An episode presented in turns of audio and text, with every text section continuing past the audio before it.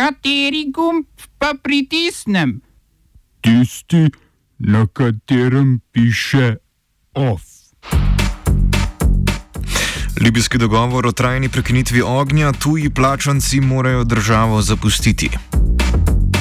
Splav zaradi okvar fetusa na polskem neustaven. Holding slovenskih elektrarn z novim nadzornim svetom. Sindikat vojakov Slovenije toži državni zbor. V kulturnih novicah pa vlada proti nevladnikom deložacija z Metelkove 6.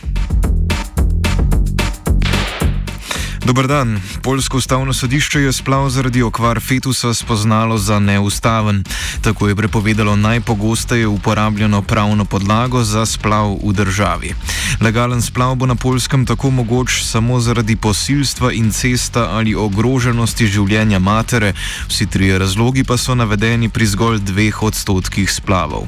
V lanskem letu so na Poljskem zakonito opravili le okrog tisoč splavov, večina žensk se namreč zaradi restriktivnosti restriktivne zakonodaje odloča za splav v tujini. Večina ustavnih sodnikov je imenovala vladajoča konzervativna stranka Zakon in pravičnost. Po objavi sodbe se je nekaj sto protestnikov zbralo pred hišo Jaroslava Kačinskega, voditelja vladajoče stranke. Ko so protestniki začeli proti varšavski policiji metati kamenje in skušali prebiti linijo, ki je varovala hišo, je policija uporabila souzivec in silo. Manjši protesti so potekali še v treh polskih evropskih mestih. Banka Goldman Sachs bo ameriškim, britanskim in hongkonškim oblastem plačala skoraj 2,5 milijarde evrov zaradi škandala podkupovanja malezijskih uradnikov. Krivdo podkupovanja v primeru pranja denarja malezijskega suverenega državnega sklada OneMDB so priznali zgolj v malezijski enoti ameriške banke. Banka Goldman Sachs pa se je z ameriškim pravosodnim ministrstvom pogodila. Po dogovoru se lahko Goldman Sachs naslednja Slovenija tri leta izogne kazenskemu pregonu, dokler sodeluje v preiskavah nepravilnosti. Dogovor predstavlja za Goldman Sachs začasno zmago, saj bi banka v primeru kriminalne obsodbe izgubila pomembne stranke, naprimer ameriške pokojninske sklade, ki ne smejo sodelovati s finančnimi podjetji s kriminalno preteklostjo. Vrednost delnice podjetja se je včeraj pospila na en, za 1,2 odstotka. Banka Goldman Sachs bo od več sedanjih in nekdanjih uslužbencev zahtevala povračilo bonusov v skupni višini okrog 150 milijonov evrov. Banka Goldman Sachs je skladu OneMDB v letih 2012 in 2013 omogočila zbrati 5,5 milijarde evrov, v zameno pa je prejela kar pol milijarde evrov kompenzacije, ki se ji bo morala po dogovoru odpovedati. Več milijard iz skladba je izginilo v Maleziji, porabil naj bi ga poslovnež Joe Lowe, prijatelj sina takratnega malezijskega premijeja in predsednika nadzornega sveta OneMDB Nadžipa Razaka. Ta je bil poleti obsojen na 12-letno zaporno kazen zaradi zlorabe pooblastil. Z malezijskimi oblastmi se je banka Goldman Sachs pogodila že julija, plačala pa jim bo več kot 3 milijarde evrov.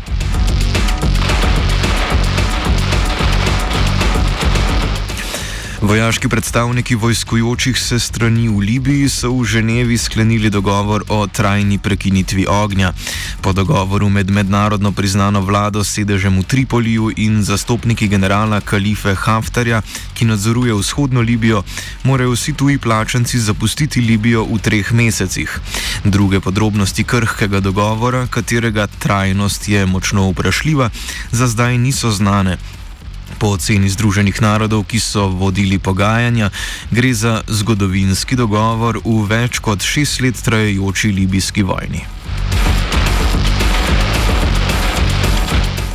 Pregled mednarodnih novic končujemo v Beogradu, kjer je odprtje festivala Mirdita Dobar dan spremljal protest desničarskih skupin.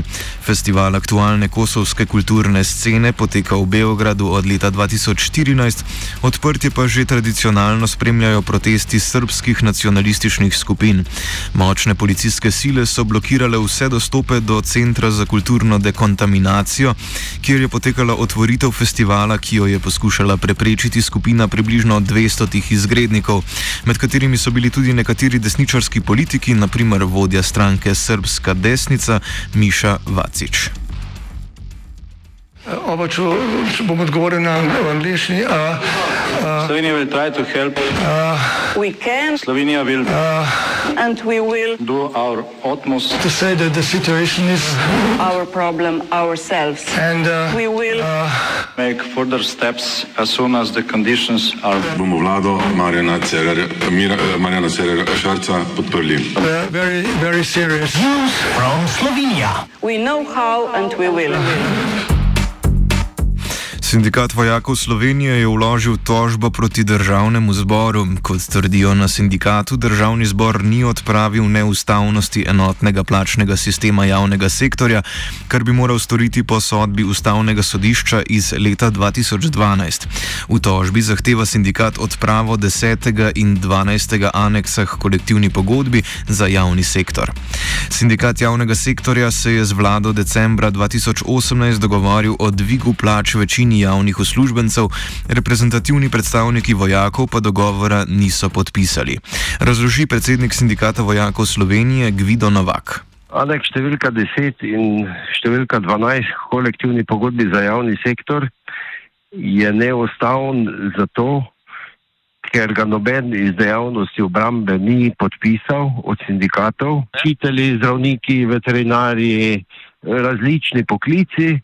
Eh, Sindikatov je bila večina in zato je veljavn. Eh, Ustavno sodišče je pa v odločbi leta 2012 ravno to eh, označilo za neustavno, da iz ene dejavnosti z pomočjo kvoruma, to pomeni, če podpiše kolektivno pogodbo večina sindikatov, taka kolektivna pogodba velja za dejavnost, iz katere noben od sindikatov ni podpisal kolektivne pogodbe. In mi v slovenski vojski, recimo zadnji dve leti, imamo na tak način določene plače. To pomeni neustavno.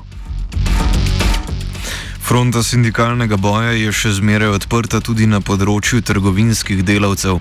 Sindikat delavcev trgovine Slovenije trdi, da nekateri trgovci, predvsem Mercator, skušajo izigrati nedavno spremenjeni zakon o trgovini, v skladu s katerim pripada trgovinskim delavcem nedelja kot dela prost dan. Trgovci pa na podlagi določbe zakona o delovnih razmerjih, ki ureja neenakomerno razporeditev delovnega časa, zaposlenim ponovem določajo delo ob nedeljah, ko naj bi skrbeli za pripravo naročil ali dostavo za namene spletne prodaje. Generalni sekretar sindikata delavcev trgovine Slovenije Ladi Rožič. To vemo, ljudje nam sporočajo, da jih pod podjetjih obveščajo, da bodo mogli pač delati nedeljo, da se bodo mogli recimo voziti v Ljubljano, ne glede na to, da javnega prevoza ni, da bodo mogli iti v tiste centre, v katerih se bo vršila tale spletna prodaja in v katerih se bo kompletiralo blago za ven. Dejstvo je, da so skušali zaobiti zakon na ta način, da bojo povečali spletno prodajo in to v nedeljo. Mislim, da lahko spletno prodajo povečajo tudi med tednom, saj so že tako in tako podaljšali obratovalni čas trgovin med tednom in res ni potrebe, da bi na ta način izigravali ljudi in jih prisiljevali, da delajo v nedeljo. Ta odločba določa tako, da v bistvu delodajalec smatra, da je delavec s njim 24 ur na dan na razpolago, da z njim njegovim življenjem razpolaga in da z njim počne kar če, kar ni res. Delodajalec bi moral upoštevati delavčev prosti čas, mogel bi upoštevati, da ima delavec družino, njegovo družinske razmere, ne pa da jih kliče po telefonu, pejte delati, da jih kličejo z dopusta, pejte delati in to je to, kar se v naši državi dogaja. Ne? Pravico je doseglo vsaj šest nekdanjih delavcev tudi v Luki Koper, ki so delali prek izvajalcev pristaniških storitev, krajše IPS. Delovno sodišče v Kopru je v njihovih tožbah proti Luki Koper spoznalo, da so bili dejansko v delovnem razmerju z Luko. Omenjeni delavci so po pre preoblikovanju sistema IPS, ki ga je izvedla uprava pod vodstvom Dimitrija Zadela, ostali brez zaposlitve. Po sodbah, ki sicer niso pravnomočne, bo morala Luka delavce delavcem priznati vse pravice iz delovnega razmerja in jim povrniti razliko med plačo, ki bi jo prejemali kot zaposleni v Luki, in tisto, ki so jo prejemali kot uslužbenci IPS. Prav tako je sodišče ugodilo tožnikom v zahtevi, da se jim omogoči nadaljevanje dela v Luki Koper pod enakimi pogoji kot drugim delavcem. Več odvetnik Marko Blatnik iz pisarne delovske pravne zaščite Sonce, ki je zastopal tožnike. Torej, vsak primer je nekako ločen, eh, s tem, da so te tožniki upravljali pri istem eh, tem IPS podjetju, ki jih je napotovalo v Luko Koper. Torej, sodišče je povedalo, da se pač gospodarska dejavnost ne more upravljati nasprotno z javno koristjo ne, in družbenim interesom. Torej, ne gre samo za individualni interes teh tožnikov, ampak nasplošno za tudi za delovno pravno zakonodajo, kjer se ta uh, primer vidi tukaj, ker je tudi sama Luka uh, ugotovila, da pač ta poslovni uh, sistem ni bil uh, zakonit, ampak je potem ta primer, vse kar se tiče tožnikov, reševala nepravilno. Ko bi bilo treba to pravilno odpraviti, Luka Koper pač ni neposredno izročila pogod tem delavcem, ne? ampak jim je odpovedala sodelovanje preko teh zunanjih.